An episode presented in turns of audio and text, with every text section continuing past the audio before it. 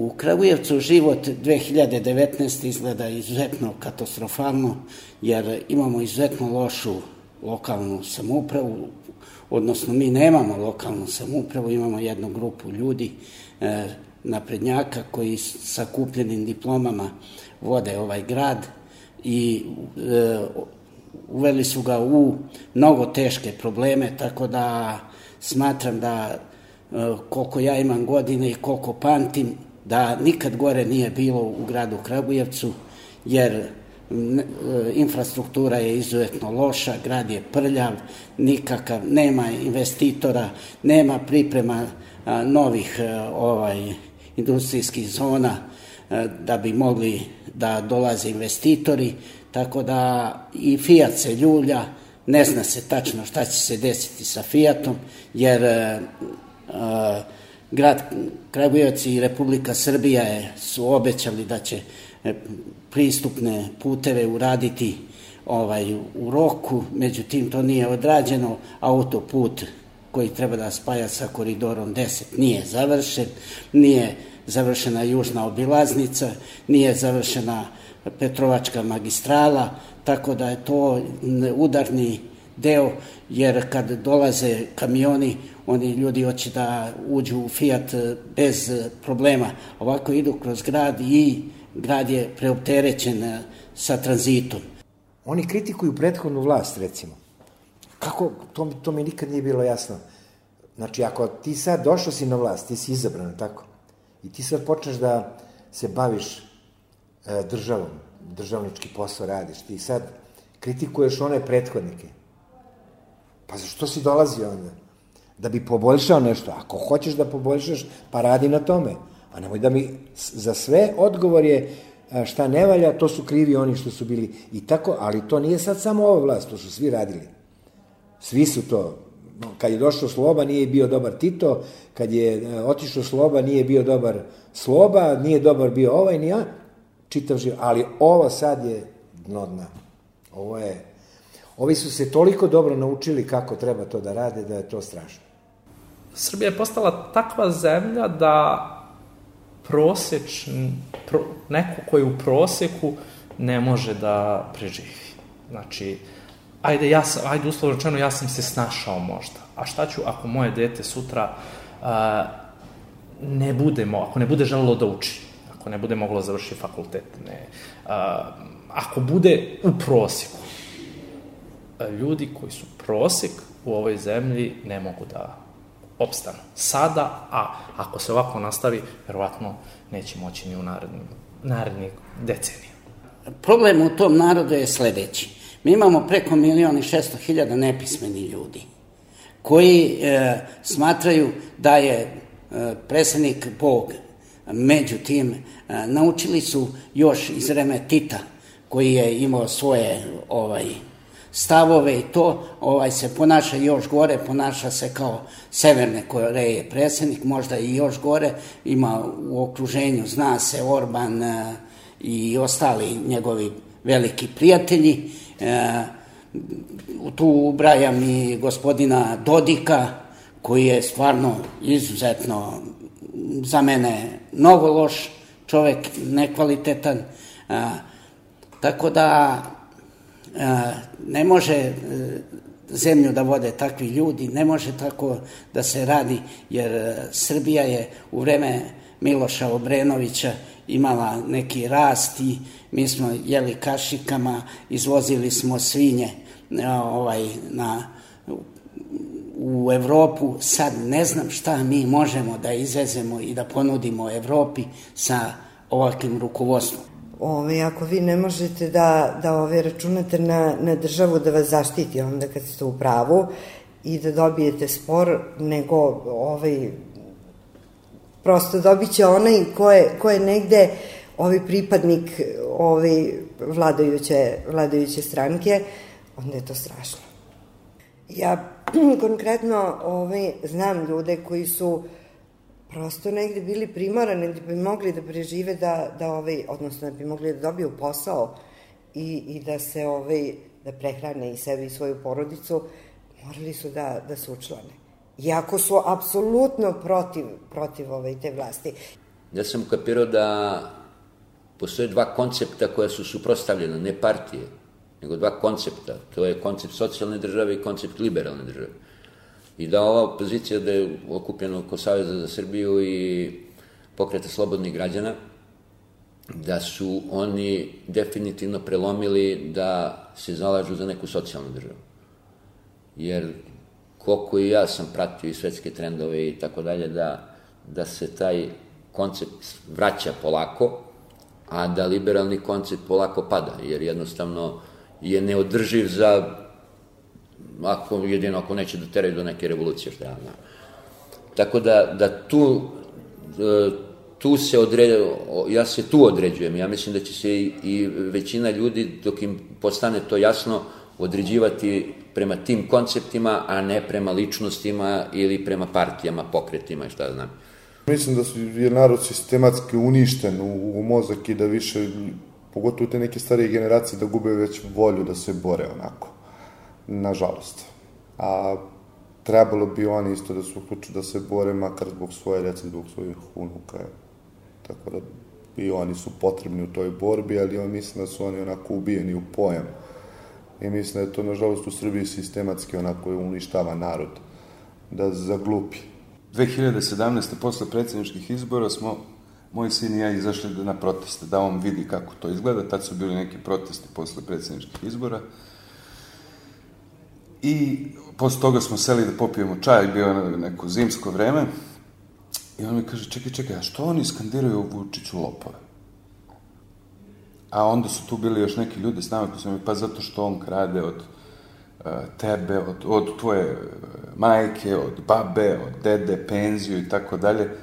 Onako razrogači njegove plave oči, kaže, tata, ajmo brzo kući da vidim da li mi nije ukrao ni hiljadu dinara što mi baba dala pre neki dan. Dakle, to je ono, kako on shvata to. I onda pita, kak, čekaj, ko je lopov, što ga policija ne uhapsi. Kako ja detetu sad da objasnim da njega policija ne može da uhapsi, jer policija radi za njega. Jer sve institucije u ovoj državi i ne institucije tipa navijačke grupe, kriminalni klanovi, svi rade za jednog čovjeka. To ne može dete od 9 godina da ukapira, niti treba. Ja jako puno razmišljam o tome da sad u nekom narednom periodu ja imam obavezu kao roditelj da njemu obezbedim školovanje, normalan život negde u inostranstvu i da sve to svi zajedno se pokupimo i da odemo da bi on mogo da ide u normalnu školu, da se druži sa normalnom decom, da uči normalne stvari i tako. Potpuno smo izgubili identitet kao narod, kao građani, kao Nis, više ne vidim uopšte nikakav smisao života u, u ovoj zemlji. I onda sam mislio da svojim prisustvom pomognem da me vide i mladi da ja tu dolazim, bar sam ja tako to zamišljao, ne bili shvatili da nešto nije u redu. Ja sam pristalica radikalnijih uh, nekih uh, vidova protesta, jer situacija u Srbiji je takva da imate jednu vlast koja je takva da ovakvi mirni, uslovno rečeno gandijevski protesti uh, ne mogu ništa da promene. To što su postigli uspeh, uh, da su se neki ljudi u strukturama vlasti promenili, smenili, da li jesu ili nisu, to je, to je druga stvar. Najveći uspeh protesta je što su se ljudi oslobodili straha. Što i imamo jednu vlast koja je uh, sedam godina već tu, neprezani od čega, uh, veliki broj ljudi drži neposredno, a još veći broj posredno pod kontrolom, totalno ugasili slobodu medija, pa čak i slobodu govora i svakako svaki vid protesta protiv toga, kogod da organizuje, ja sam tu da se pridružim i da protestujem. Od prvog dana do zadnjeg protesta učestvovao sam i odlazio sam i u Gornji Milanovac i u Beograd i u Palanku i u Kruševac i svuda sam odlazio gde god je bilo potrebno ovaj, u, Topolu da se pomogne, da se učestvuje jer ja sam od 90. godine u priči toj opozicijonoj i uvek e, nisam bio na strani vlasti.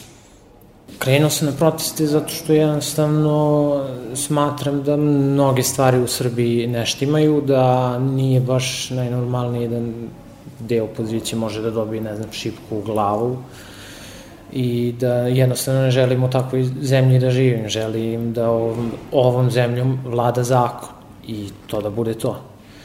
A, smatram da ako sedimo kući i ćutimo i ne radimo ništa, ako se ne skupljamo, jednostavno stvari će biti sve gore i gore. Da mnogi ljudi su očekivali da će se desiti nekakva revolucija za onog velikog datuma koji je bio najavljen kao nešto spektakularno 13. aprila.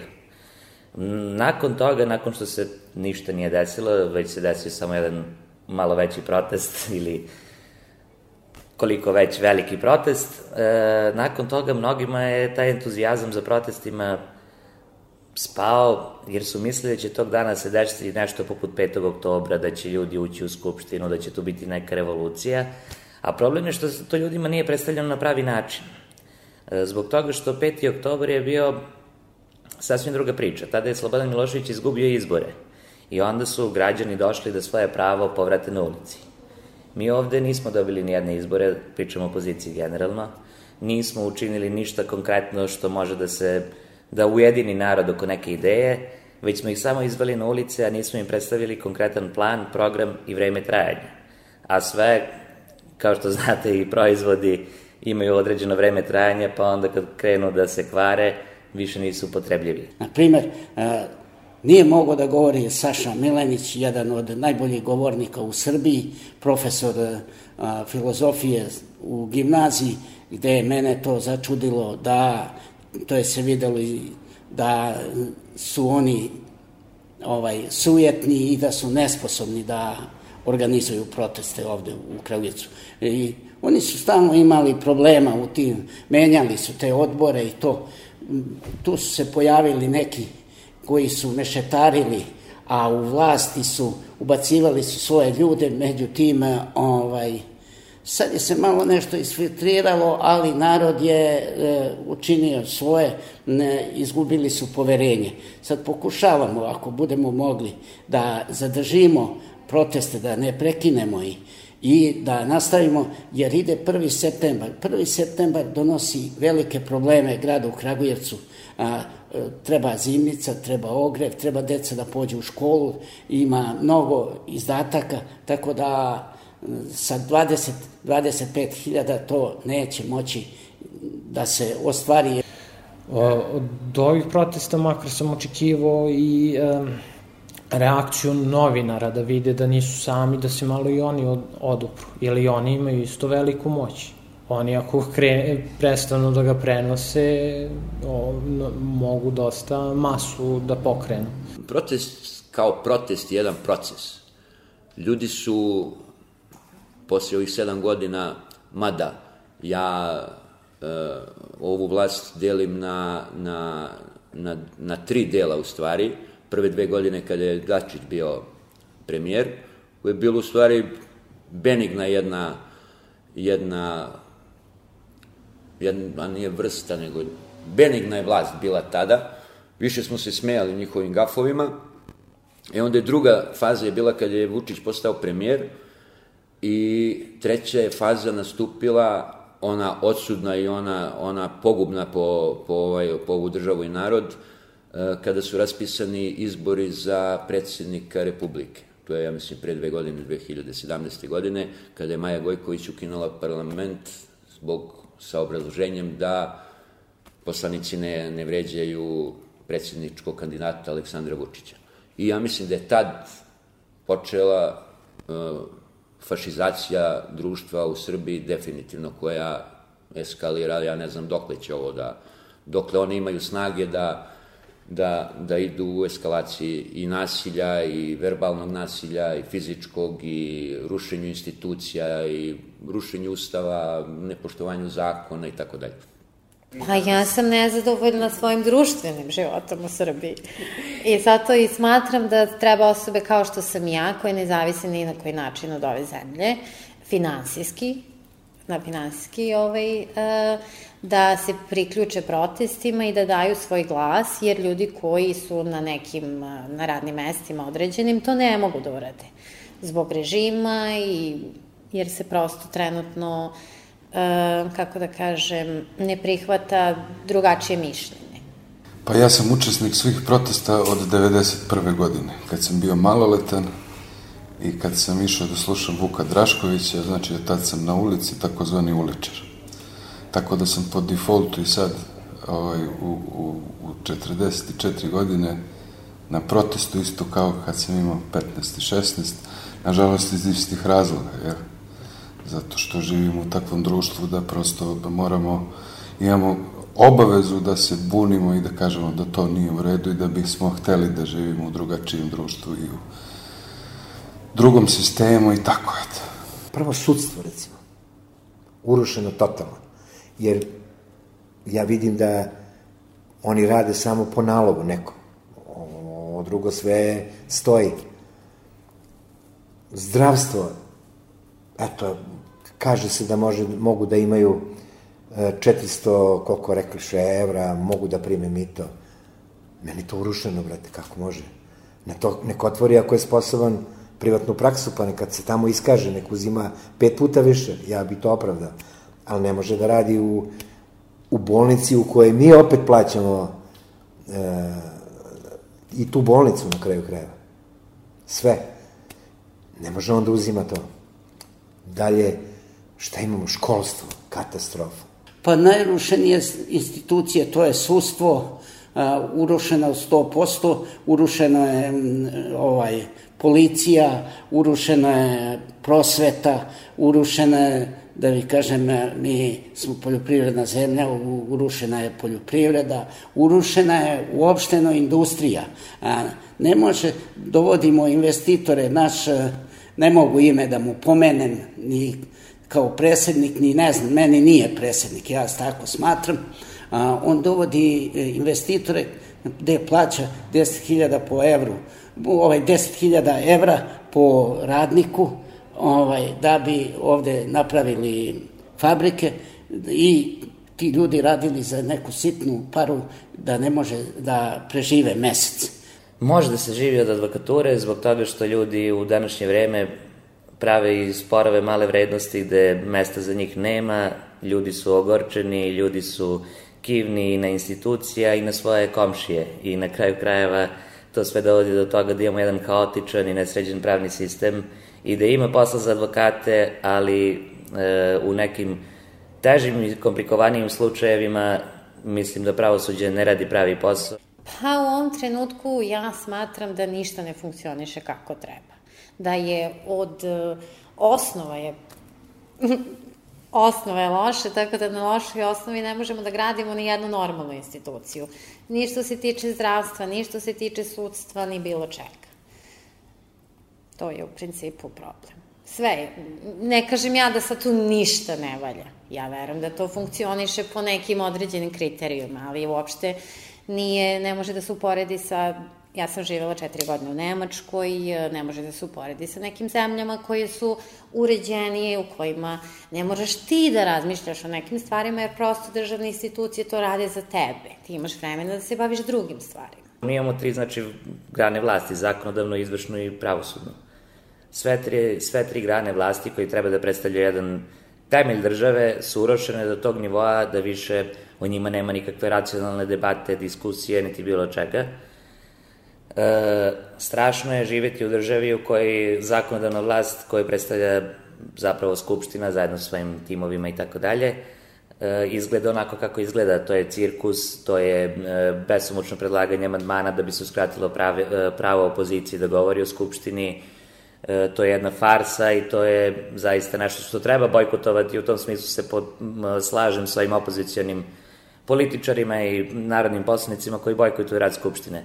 Strašno je da izvršna vlast e, gde spadaju znači naša vlada, gde spadaju na neki način naš predsednik e, svoje ingerencije ne poznaje, meša se u stvari koje nisu njihova delatnost, E, zloupotrebljava sve te institucije i istovremeno sa zakonodavnom i sa pravosuđem, sa, pravosudnom vlašću manipuliše, A istovremeno je sa pravosuđem strašna situacija zbog toga što ove prve dve grane vlasti uopšte ne postavljaju se u javnosti tako da je i e, sudska vlast, da je pravo, pravosudna vlast njima jednaka, već se postavljaju kao da su u odnosu na to oni ja, jači, da su da imaju veću moć, da mogu da je kontrolišu, pa onda možemo da se da se pozovemo na to da u skupštini kada se desi debata o izmeni krivičnog zakonika jednog vrlo časnog i vrlo poštenog i vrlo stručnog sudiju, sudiju Majića za koga zna cela prava, za koga poznaje i kroz njegove tekstove, i kroz knjige, i kroz njegov uh,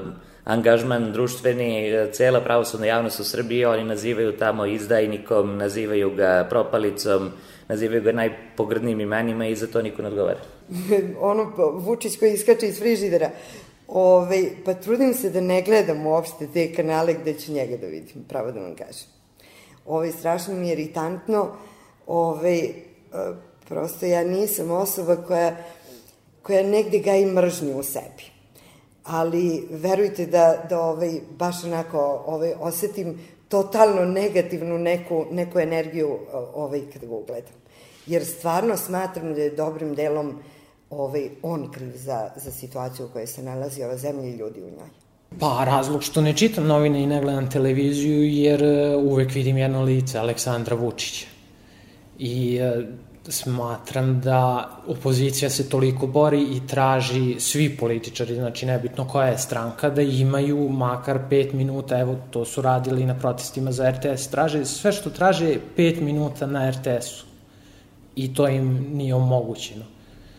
I zato jednostavno ne, ne pratim televiziju, jer samo jedna ista stvar se vrti, Aleksandar Vučić, a kogod drugi bude na televiziji, e, ist, isti način govora, bukvalno kao da, mu je ne, kao da im je neko ispričao šta da kažu i sve po istom šablonu. I onda jednostavno ne vidim potrebu da, da, da uopšte uključujem televiziju ili da pročitam neke novine. Ja imam jednu teoriju, da zapravo nije većina u Srbiji ni primitivna, ni glupa, ni neobrazovana.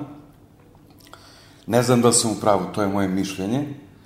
Ja imam utisak da se preko medija, uglavnom elektronskih, a naravno i preko dnevnih novina, koji su svi u, funkciji ovaj, režima, šalje jedna slika u koju ti i ja treba da poverujemo da je većina u Srbiji da, da većinu u Srbiji čine glupi, neobrazovani ljudi koji gledaju reality programe i tako. Da oni zapravo tu sliku kreiraju sadržajem koji se emetuje na elektronskim i, i drugim medijima. E, I mislim da ljudi ne idu e, zbog, čisto zbog novca. Idu zbog toga što a, smo mi ovde navikli da, recimo, kupujemo po akcijama. I nama su se oči kodirali na ono žutu i crvenu boju. I mi kad vidimo to sad, žutu, crvenu boju, mi odmah idemo tamo to da kupimo. E, i stalno se preračunavamo, e, gledamo koliko nas košta, koliko nas te, koliko su računi, št, kako ćemo, šta ćemo, da li ćemo da kupimo. I naša deca počinju da se navikavaju, jer nije ovo toliko skupo, jer bi mogli da kupimo. E, poseban neki fragment sreće i, i, i, i se luči kada, kada vi odete pa kupujete šta god hoćete a imate platu da to možete sebi da priuštite, da kupite i ono što vam u tom trenutku ne treba u narednih 10 dana, nego će vam trebati trebati nekad. Mislim da neko dostojanstvo, da e, ljudi budu plaćeni za svako vrlo, ostane sat vremena preko vremena, da mu se to plati po, po onoj ceni, da za taj novac koji primi tamo može da živi vrlo, vrlo solidno. Ostao sam da živim u Srbiji jer zaista volim ovu zemlju jer bi mi bilo teško da tokom godine moram sa svojim najmilijima, sa svojim prijateljima, sa porodicom da se viđam preko Skype-a i da dolazim samo kad sam u mogućnosti. Ja zaista volim ovu zemlju i verujem u ljude ovde i verujem da ovo sve može da se promeni i da bitka nije izgubljena bez obzira koliko beznadežno izgledala u ovom trenutku. Ne vidim uopšte mogućnost opozicije da nešto uradi ili bilo šta. Sve je nekako obesmišljeno samim tim što su i ti ljudi koji su sad u opoziciji bili u vlasti, pa onda ne znam kako to da... Ja mislim, ja, ja bih voleo da se samo sklone ovi, ali ne vidim neku budućnost. A nadam se, imam nadu da će neko, neko će se pojaviti, mora da se neko pojavi. A, narod u Srbiji počinje, počinje odnosno već davno, ovaj, gubi veru da može da promeni nešto, što je, što je ovaj, najstrašnije jer, znate, i sami imali smo tu situaciju ovaj, sve vremeno ovaj, dok je Slobodan Milošević bio, pa smo onda mi koji smo i tada bili nezadovoljni očekivali ovaj, dosta bolje, krenulo je u nekom trenutku, bar po meni, znači pričam sa svog aspekta, ovaj, nažalost desilo se što se desilo, mislim na, na ubistvo ovaj, Zorana Đinđića i pad ponovo koji, koji mislim ono sve dublje i dublje tonemo negde da, da ovaj, mislim sve je strašnije kad vidite ljude koji, koji su ovaj, negde dosta, dosta godina svoje mladosti ovaj, proveli sa knjigom, ovaj, odricali se mnogo toga, ovaj, i onda ih vidite, recimo jednog doktora koji vozi taksi ili mašinskog inženjera. I to vozi za nekog, ne znam nija koliko zaradi, mislim, stvarno ne znam, ali je e, strašno, strašno da, da ovaj ne može da se bavi svojim poslom i da od toga živi pristojno. Mogu da kažem da iskreno verujem da alternativa mogu da budu samo novi ljudi koji su neukaljeni, koji nisu izneverili građane Srbije, koji su stručni, koji su na svojim poljima uspešni i koji moraju da se pojave i da zauzmu liderske pozicije, jer sa ovakvim kadriranjem i sa ovakvom nestručnom i nesposobnom vlašću i negativnom selekcijom gde na pozicije moći dolaze oni koji su najnesposobniji, mislim da nećemo, kao što već nismo, daleko dogurali, još manje ćemo u budućnosti. Ali najviše bih volao da vidim nekog koga narod izabere na fair izborima, bez manipulacije da svi imaju podjednake šanse i koga narod izabere, taj nek bude. A ja lično bi birao Sergeja Trifunovića zato što smatram da on je klasičan političar. Jednostavno stvorena je takva slika u Srbiji o političarima da su oni manipulatori, lopovi i lažovi. Moje mišljenje da mora mnogo toga da se još uradi da bi oni pali na ovaj način, ne. Mi smo e, e, zapravo propustili šansu da se oporavimo kao društvo tamo 2000. 2001. godine. E, kad je ubijen Zoran Đinđić, ja sam tad bio u vojsci. To je bilo potpuno ratno stanje, ja sam dao stražu nekom izdvojem objektu i tu celu noć razmišljao koliko će vremena da prođe dok se ne rodi i dođe na političku scenu neki čovjek koji je sličan Zoranu Đinđiću. Negde pred jutro sam shvatio da neće nikad. Da smo mi imali tu jednu šansu i da je nismo iskoristili. Nismo iskoristili nismo iskoristili iz razloga što svako društvo koje je takvo kakvo smo mi bili u 90. godinama, gde su sve, svi kriterijumi pali i gde su okrenute na glavačke sve moralne i druge vrednosti, prosto teži da bude u jednom takvom haosu. Iako ima veliki otpor prema nekom ko želi da uvede neki red u taj haos. Nažalost, bili smo suviše slabi ili su okolnosti bile previše jake za nas u tom trenutku da je došlo do toga da imamo ubistvo premijera Zorana Đinđića, koji je, mislim, bio jedini čovjek sposoban da pokrene neke mehanizme u društvu koji će dugotrajno da naprave neke promene.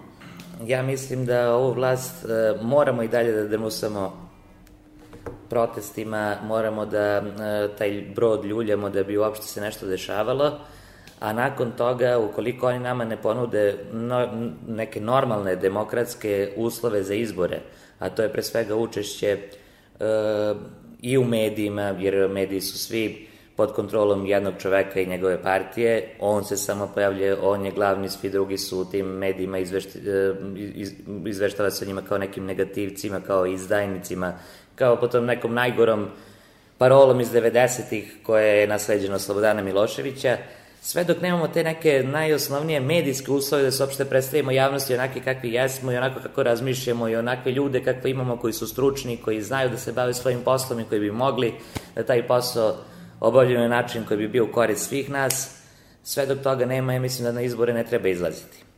A ukoliko bude mogućnosti da se tako nešto promeni, ukoliko možda i neki međunarodni pritisak za koji nisam uveren da će doći sve dok se ne završi pitanje Kosova, i međunarodni pritisak, i pritisak domaće javnosti, i pritisak opozicije moraju da učine svoje da se ovde nešto promeni. Ovako vladati u sred Evrope, mislim da u 21. veku nije normalno i da nije moguće da to traje e, duže od nekog perioda od, ne znam, desetak godina maksimalno. U trenutku kada bi normalni i sposobni ljudi došli na vlast, eto da zamislimo, došli su na vlast neki normalni, dobronamerni, obrazovani, sposobni ljudi u Srbiji. Sve u Srbiji možemo promeniti za šest meseci. Sve.